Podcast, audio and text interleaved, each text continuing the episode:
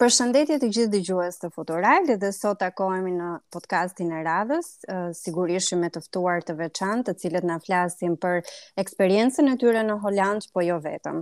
Sot në podcast kam të ftuar Elis Gjosha, e cila do ndaj me ne eksperiencën e, e vet, por sigurisht jo vetëm ato profesionale, por edhe jetësore, sepse do flasim për karrierën e saj, për zgjedhjet që ka ka bër apo i është dashur të bëj dhe punësimin dhe jetesën aktuale. Po fillimisht un po e përshëndes dhe më pas bëjmë një uh, parantezë të shkurtër të asaj që Elisi është. Përshëndetje Elis. Përshëndetje Doralda. Kam kënaqësi që jam sot me ty. Edhe un jam shumë e lumtur që pranove të bëhesh pjesë e podcasteve të Futural dhe sigurisht që do shërbesh si një model shumë pozitiv frymëzimi për të rinjtë e tjerë që dëshirojnë të ndjekin të njëjtën rrugë si ti. Faleminderit. Dëgjues të Futural, unë po bëj një përmbledhje shumë të shkurtër për Elisin. Elis Gjosha ka mbaruar shkollën e mesme dhe të lartë në Angli, Më me përfundimin e studimeve në vitin 2011, kur Anglia ishte në kulmin e krizës financiare të atyre vite, të atyre viteve, si studente shqiptare e pati shumë të vështirë për të gjetur një vend pune, sepse shumica e kompanive aty nuk e, e mbulonin pjesën e vizës, atëherë çfarë ndodhi? Ardhja e papritur në Amsterdam. Një takim i rëndësishëm në një lokal në jug të Shqipërisë me një vajzë nga Amerika që punonte tek Ernst Young në Amsterdam bëri që ajo t'i niste CV-në e parë dhe aty ta rekomandonte te kompania. Për një periudhë dymujore, bëri një sër intervistash derisa i ofruan një vend pune. Pas transferimit në Amsterdam, në shkurt të vitit 2012 dhe nga ai moment, U shkëput totalisht nga jeta studentore dhe filloi pjesa e karrierës. Pasi punoi tek Ernst Young në departamentin e auditit të jashtëm për shërbime financiare për një periudhë prej 5 vitesh, ëm, sot ajo punon tek booking.com. Fillimisht si pjesë e auditit të brendshëm, ndërsa vitin e fundit ka kaluar tek një pozicion i ri si senior program manager, pra menaxhim projektesh. Elis, jo më kot e bëra gjithë këtë përshkrim për të ndarë me dëgjuesit e Futural, të cilët janë uh, në masën më të madhe të rinjt, këtë eksperiencë tënde e cila duhet të shërbejë si frymëzim për ata që mendojnë se nuk munden. po, patjetër. Ëm um, faktikisht përmbledhja që ti dhe është shumë um, për mendimin tim është interesante, pak të rrugëtimi që që kam ndjekur unë deri këtu. ë uh, janë sidomos një pjesë që ti përmende një takim të rastësishëm që mua më ndodhi në Tiranë. Ëm um, kam përshtypjen që ne si studenta shqiptar kudo që mund të kemi mbaruar shkollën, nuk ka rëndësi kjo, mm -hmm. uh, të gjithë hasim të njëjtat vështirësi. Pjesa e vizës deri diku është është e thjeshtë të shkosh si student për sa kohë ti ti financohesh nga familja jote dhe nga nga gjithë gjërat e tjera, por kur kalon pjesa tek puna, ë uh, që ke nevojë për suportin e kompanive nuk është shumë e thjeshtë, nëse dokumentacioni që ti ke është akoma në, në bazën studentore. Ëm um, Unë duhet t'i vë shumë rëndësi atij takimi, ishte dhe është shumë domethënës, po. Është me vërtet shumë për të qeshur, edhe ndonjëherë të të bën të kuptosh që rastësia ëm um, uh, është të sjell ndryshime shumë të mëdha në jetën tënde. Prandaj për mendimin tim të gjithë studentët ose ose të interesuarit që që sot dëgjojnë këtë podcast, unë do të thosha ato ato takime sociale që ndoshta të bëhen në një kafene apo në mhm. një rrugëtim të rastësishëm, nuk dihet asnjëherë se çfarë sjellin në jetën tënde. Për mua Si siç edhe ti e shpjegove, ishte një vajzë amerikane, u njohëm rastësisht në një bar thjesht ngaqë unë flisja mirë anglisht dhe bëmë një bisedë. Dhe kur unë i shpjegova paksa um, rrugëtimin tim deri diku, domethënë në ato kohë, ajo m'u shpreh se jetonte në Amsterdam, se punonte te Ernst Young, edhe u tregua shumë e gatshme, çuditërisht, Uh, të më jepte adresën e saj të e-mailit dhe unë thjesht nisa një CV si, si dikush që sa kishte mbaruar shkollën ato kohë. Elis, po e mendove dy herë këtë pjesën që uh, nga Anglia në Holandë? Uh, unë uh, nuk e mendova shumë, uh, unë kam dhe paksa një histori që ti ndoshta nuk nuk e njeh dhe vetë uh, është pjesa më personale e imja. Unë kur kam qenë në shkollë në Angli, u njoha me një djalë holandez. Hënë, ishte i dashuri do, do na flasësh dhe sot është sot është bashkëshorti im. Ah, por të dy studiuam në Londër dhe duke qenë vështirësive që të kisha unë ato kohë mendonim që Londra do të ishte vendi më i mirë që ne të vazhdonim mm -hmm. të punonim. Uh, kur ky opsion doli për Amsterdam dhe isha unë e para që që m'u dha një vend pune në Amsterdam, mm -hmm. Normale ai duke qenë se ishte me origjinë uh, nga nga Holanda, për atë ishte shumë e thjeshtë që të ktheheshe në vendin e tij të lindjes. Ëm, ehm, uh, kështu që vendosëm që të dy, ok. Ëm, ehm, uh, kjo ishte e vetmja mënyrë për sa për sa dukeshe në atë moment që që mund të vazhdonim uh, të rrinim bashkë, të rrinim afër edhe, edhe të fillonim dhe karrierën tonë. si si është uh, karriera, si është puna në në Holandë? Domethënë uh, aspektet profesionale, si vlerësohen, mundësitë që të ofrohen, uh, a ka diçka të veçantë tek mënyra se si e ndërtojnë ditën e tyre, qoftë edhe ato jetese uh, normale, po kryesisht profesionale? ka shumë. Në radhë të parë unë do të thosha që Holanda, sidomos Amsterdami se është pak më unik mm -hmm. në në krahasim me pjesën tjetër të Holandës. Ëm um, është një nga vendet që ka jashtëzakonisht shumë të huaj, domethënë edhe kur del në mhm. rrugë flet më shumë anglisht me njerëzit se sa flet holandisht. Holanda ka një politikë shumë sociale për sa i përket ëm um, njerëzve expats quhen këtu, domethënë mm -hmm. që janë uh, të huaj që që transferohen në Holandë për vende pune. Dhe këtu flasim për për vende pune të një niveli të caktuar, domethënë janë janë studentë që kanë mbaruar shkollën, që kanë mbaruar masterin. ë uh, ka disa kërkesa të tipit sa duhet të jetë rroga minimale që duhet të kenë gjëra të tilla. Por ë um, ka një politikë që i favorizon këto persona. Mm -hmm. Domethënë, uh, do që të ketë sa më shumë të huaj që të vijnë në Hollandë që të punojnë këtu, sigurisht për të, këtë nivel të të cilit po flasim. Um, në, në mos gaboj dhe do, do më falni se ndoshta nuk i di rregullat 100% tani, po uh, politika të paktën kur kam ardhur unë ka qënë që um, në, në rrogën tënde vjetore, kur ti vjen mm -hmm. këtu si një i huaj, si ekspat, um, në rrogën tënde vjetore, 30% e rrogës tënde nuk taksohet. Uh, ndërkohë që në përgjithësi Holanda njihet si një vend me taksa shumë të larta, në mos gaboj shkon diku deri në 52%, por ama për këtë pjesën e e të rinjve ose expat siç edhe unë e thashë më mm -hmm. përpara, domethënë favorizohen dhe është vendi që tenton dhe kërkon të ketë sa më shumë të huaj që vijnë të punojnë këtu. Dhe besoj kjo i ndihmon goxha të rinjtë të cilët kanë nevojë që të marrin një start për për karrierën e tyre dhe për punën. Shumë. Dhe ndoshta ky është edhe avantazhi që që m'u dha dhe mua kur kur erdha këtu para 10 vitesh. Kjo ishte një lloj modeli që Anglia nuk e nuk e ofronte në atë kohë. Mm -hmm. Ndërkohë që këtu sidomos kompanitë ndërkombëtare që që janë të vendosura në Holandë, uh, që kanë nevojë për njerëz jo vetëm të bazuar dhe me origjinë holandeze, por edhe nga nga gjithë bota, um, e, e shfrytëzojnë këtë pjesë që uh, të, të kësaj politike që ka Holanda për të për të rekrutuar sa më shumë uh, punonjës që vijnë nga vendet e huaja. E kuptoj. Ëm uh, kjo për pjesën e politikës dhe se sa favorizohen favorizohen personat. Ë uh, për sa i përket pjesës që si është të jetosh dhe të punosh në Holandë, ëm um, prap do kthehesha deri diku te te pjesa te politikat që këta kanë. Domethënë, mm -hmm. Holanda është një vend deri diku um, um, social, domethënë mhm... Mm -hmm. politika sociale. Në, në, po, kështu që, domethënë, i vënë një rëndësi shumë të madhe pjesës që si trajtohen punonjësit, sa, sa të lumtur janë, sa ditë pushimi marrin, sa, sa e balancuar është pjesa që sa orë punon uh, në ditë ose në mhm. javë. Mm -hmm.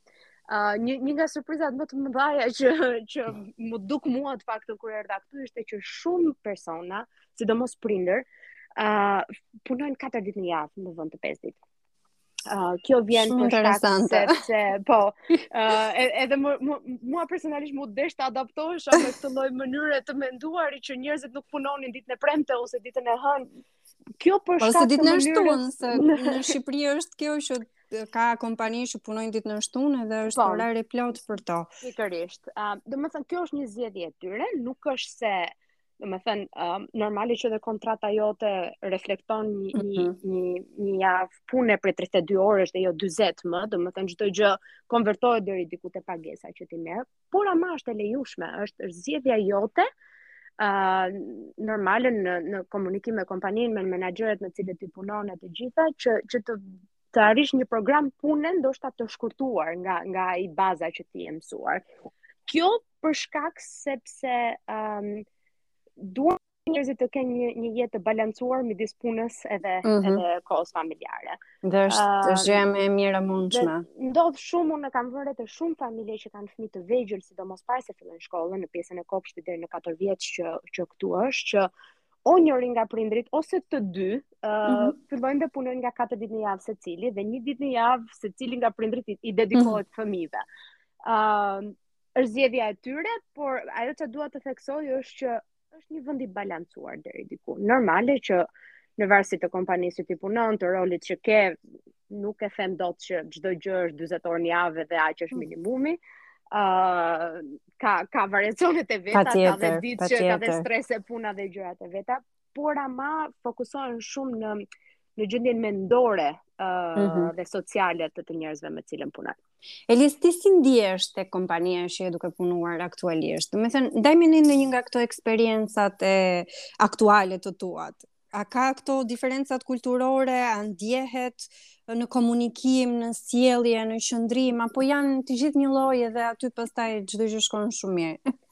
Ëm, um, dëgjo, te kompania ku unë jam është pak uh, çështje e veçantë do thosha, nuk e di, besoj që ndoshta shumica e dëgjuesve e e, e njohin edhe si kompani, booking.com është një nga portalet, uh, më, jo portalet, por është një nga websajtet ku uh, ose platformat ku bëhen uh, prenotime për hotele, për fluturime, për për rrugëtime të ndryshme të të personave. Besoj se të gjithë e njohin, kështu që baza baza ka në ka ndodhur. domethënë është një kompani amerikane ose e e, e me partner amerikan, por bazën e ka në Hollandë, është kompani e krijuar në Hollandë si si mm -hmm. si brand.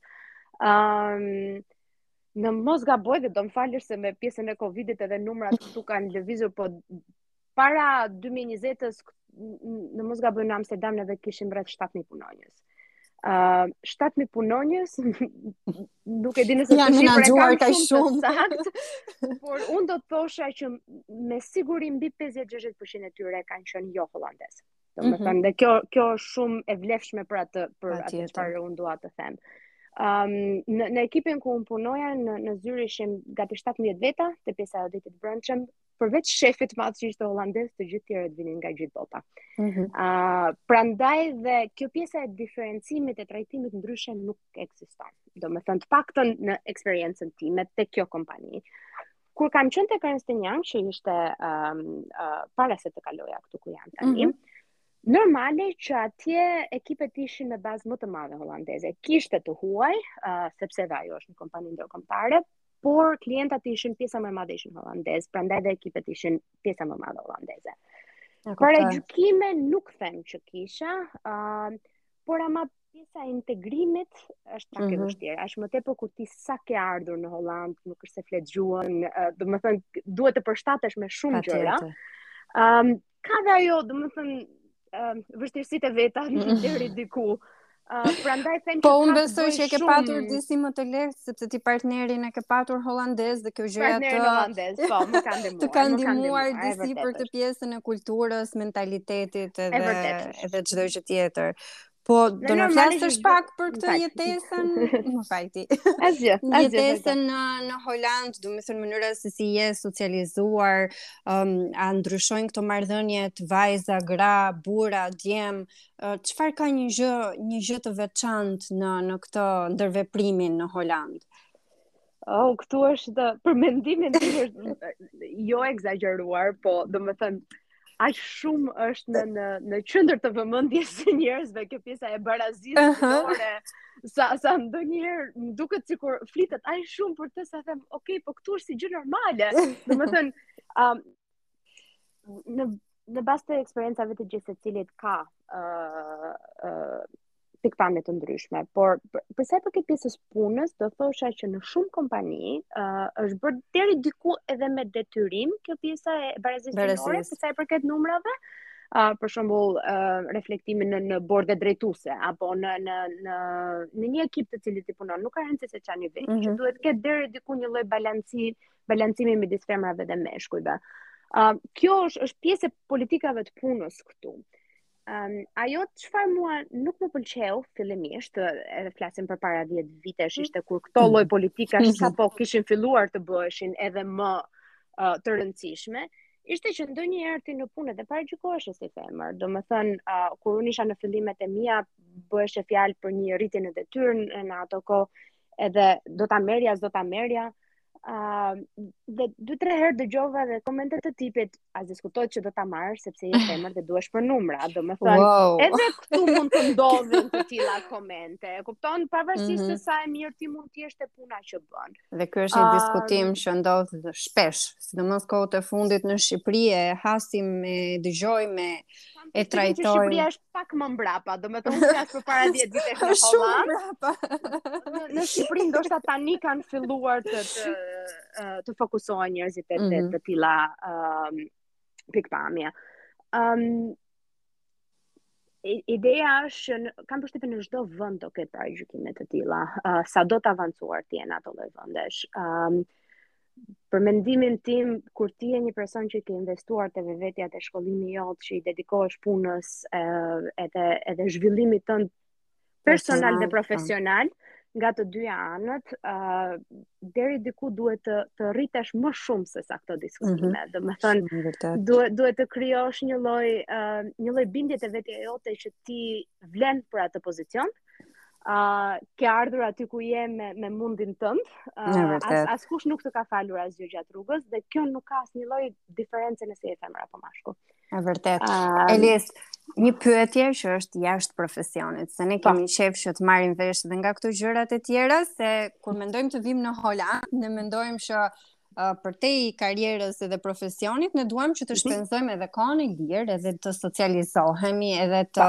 të dëgjojmë vende të cilat janë interesante dhe besoj ti duhet të kesh një pasqyrë akoma edhe më të gjerë se duke punuar tek Booking, di edhe ato vendet që kanë kërkesat më të larta dhe besoj ti e kupton pse. Um, sa i përket Holandës, tani normale Holanda është vend shumë i vogël, ë, domethënë ë, po po ta mendojmë kështu si hapësirë dhe si si banor, ë, është është është vend shumë i vogël. Normale Amsterdami ngelet pika kryesore për të vizituar, qoftë nga ana kulturore, e muzeumeve, e bukurisë së qytetit e të gjitha. Ëm, për sa i përket jashtë Holandës, më fal, jashtë jashtë Amsterdamit, varet se çfarë njerëzit, se çfarë kërkojnë njerëzit. Ë, Mhm. domethënë këto kanë bregdet shumë të gjërë, nuk do ta krahasoja me bregdetin në Shqipëri. nuk doja t'i ngatërroj këto gjëra.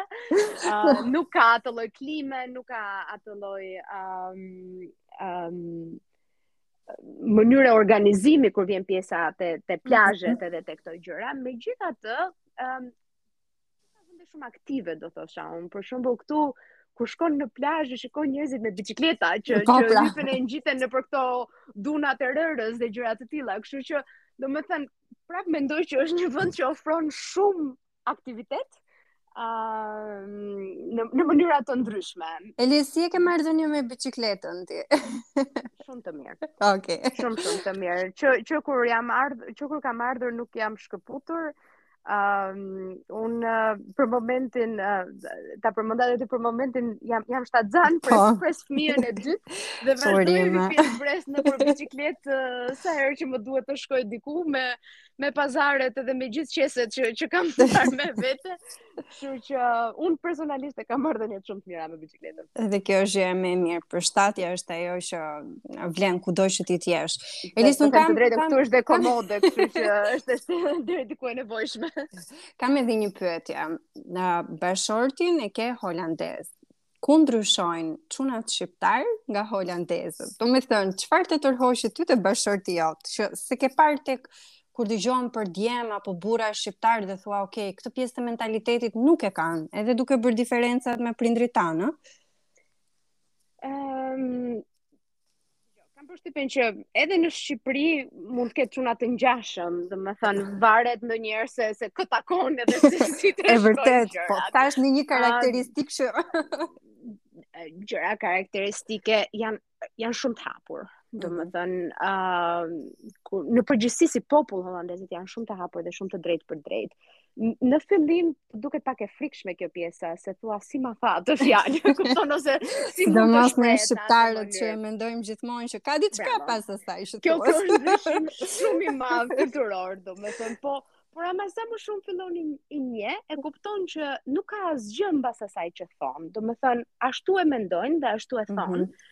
Dhe ndonjëherë, um, aq më tepër me një person që ti do të krijosh një marrëdhënie më shumë se sa shok. Ëm mm -hmm.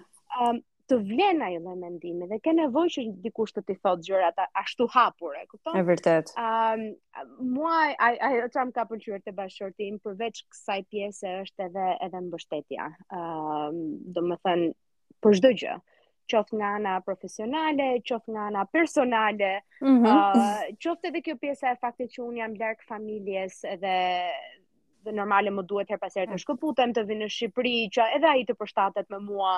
Ëm, um, ka qenë shumë i hapur për të gjitha këto gjëra, ka qenë shumë kurioz për të kuptuar edhe edhe kulturën nga e cila vij unë edhe edhe vendi jonë.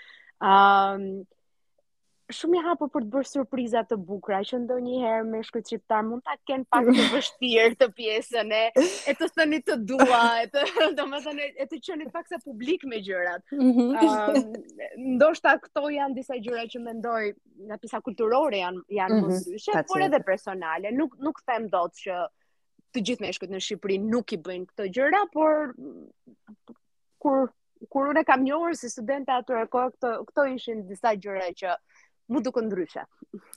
Ok, ne nuk e thamë në asnjë moment që djemtë dhe burrat shqiptarë nuk e bëjnë këtë gjë, por ja, ne donim të dinim për uh, çunat holandezë, se çfarë, çfarë pjesë të kulturës kishin ndryshe.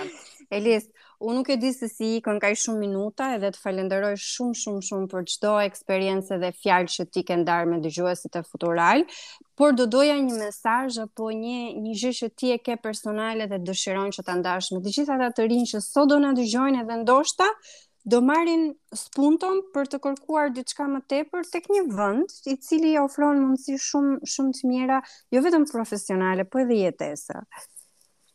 Ëm um, unë unë ndava sot me me ju në këtë episod vetëm vetëm eksperiencën time. Edhe siç thashë dhe në fillim, ndonjëherë rasti sjell gjëra shumë shumë të bukura në jetën e njerëzve. Mm -hmm. Prandaj jeni të hapur që të flisni me njerëz, qoftë shqiptarë, qoftë të huaj, këdo që takoni, nuk e dini asnjëherë se çfarë çfarë mësoni nga ata ose çfarë mundësish mund të dalin prej prej tyre.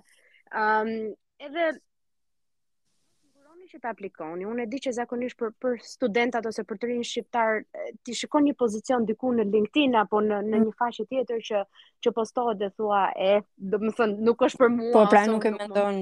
Domethënë guxoni sepse në qoftë se e mendon që si pozicion ti je i aftë që ta bësh, atëherë unë nuk them që ndodh me aplikimin e parë, uh, unë në rrugën time në Londër mund të nuk duhet të dorëzosh aplikime dhe nuk, dhe nuk ndodhi.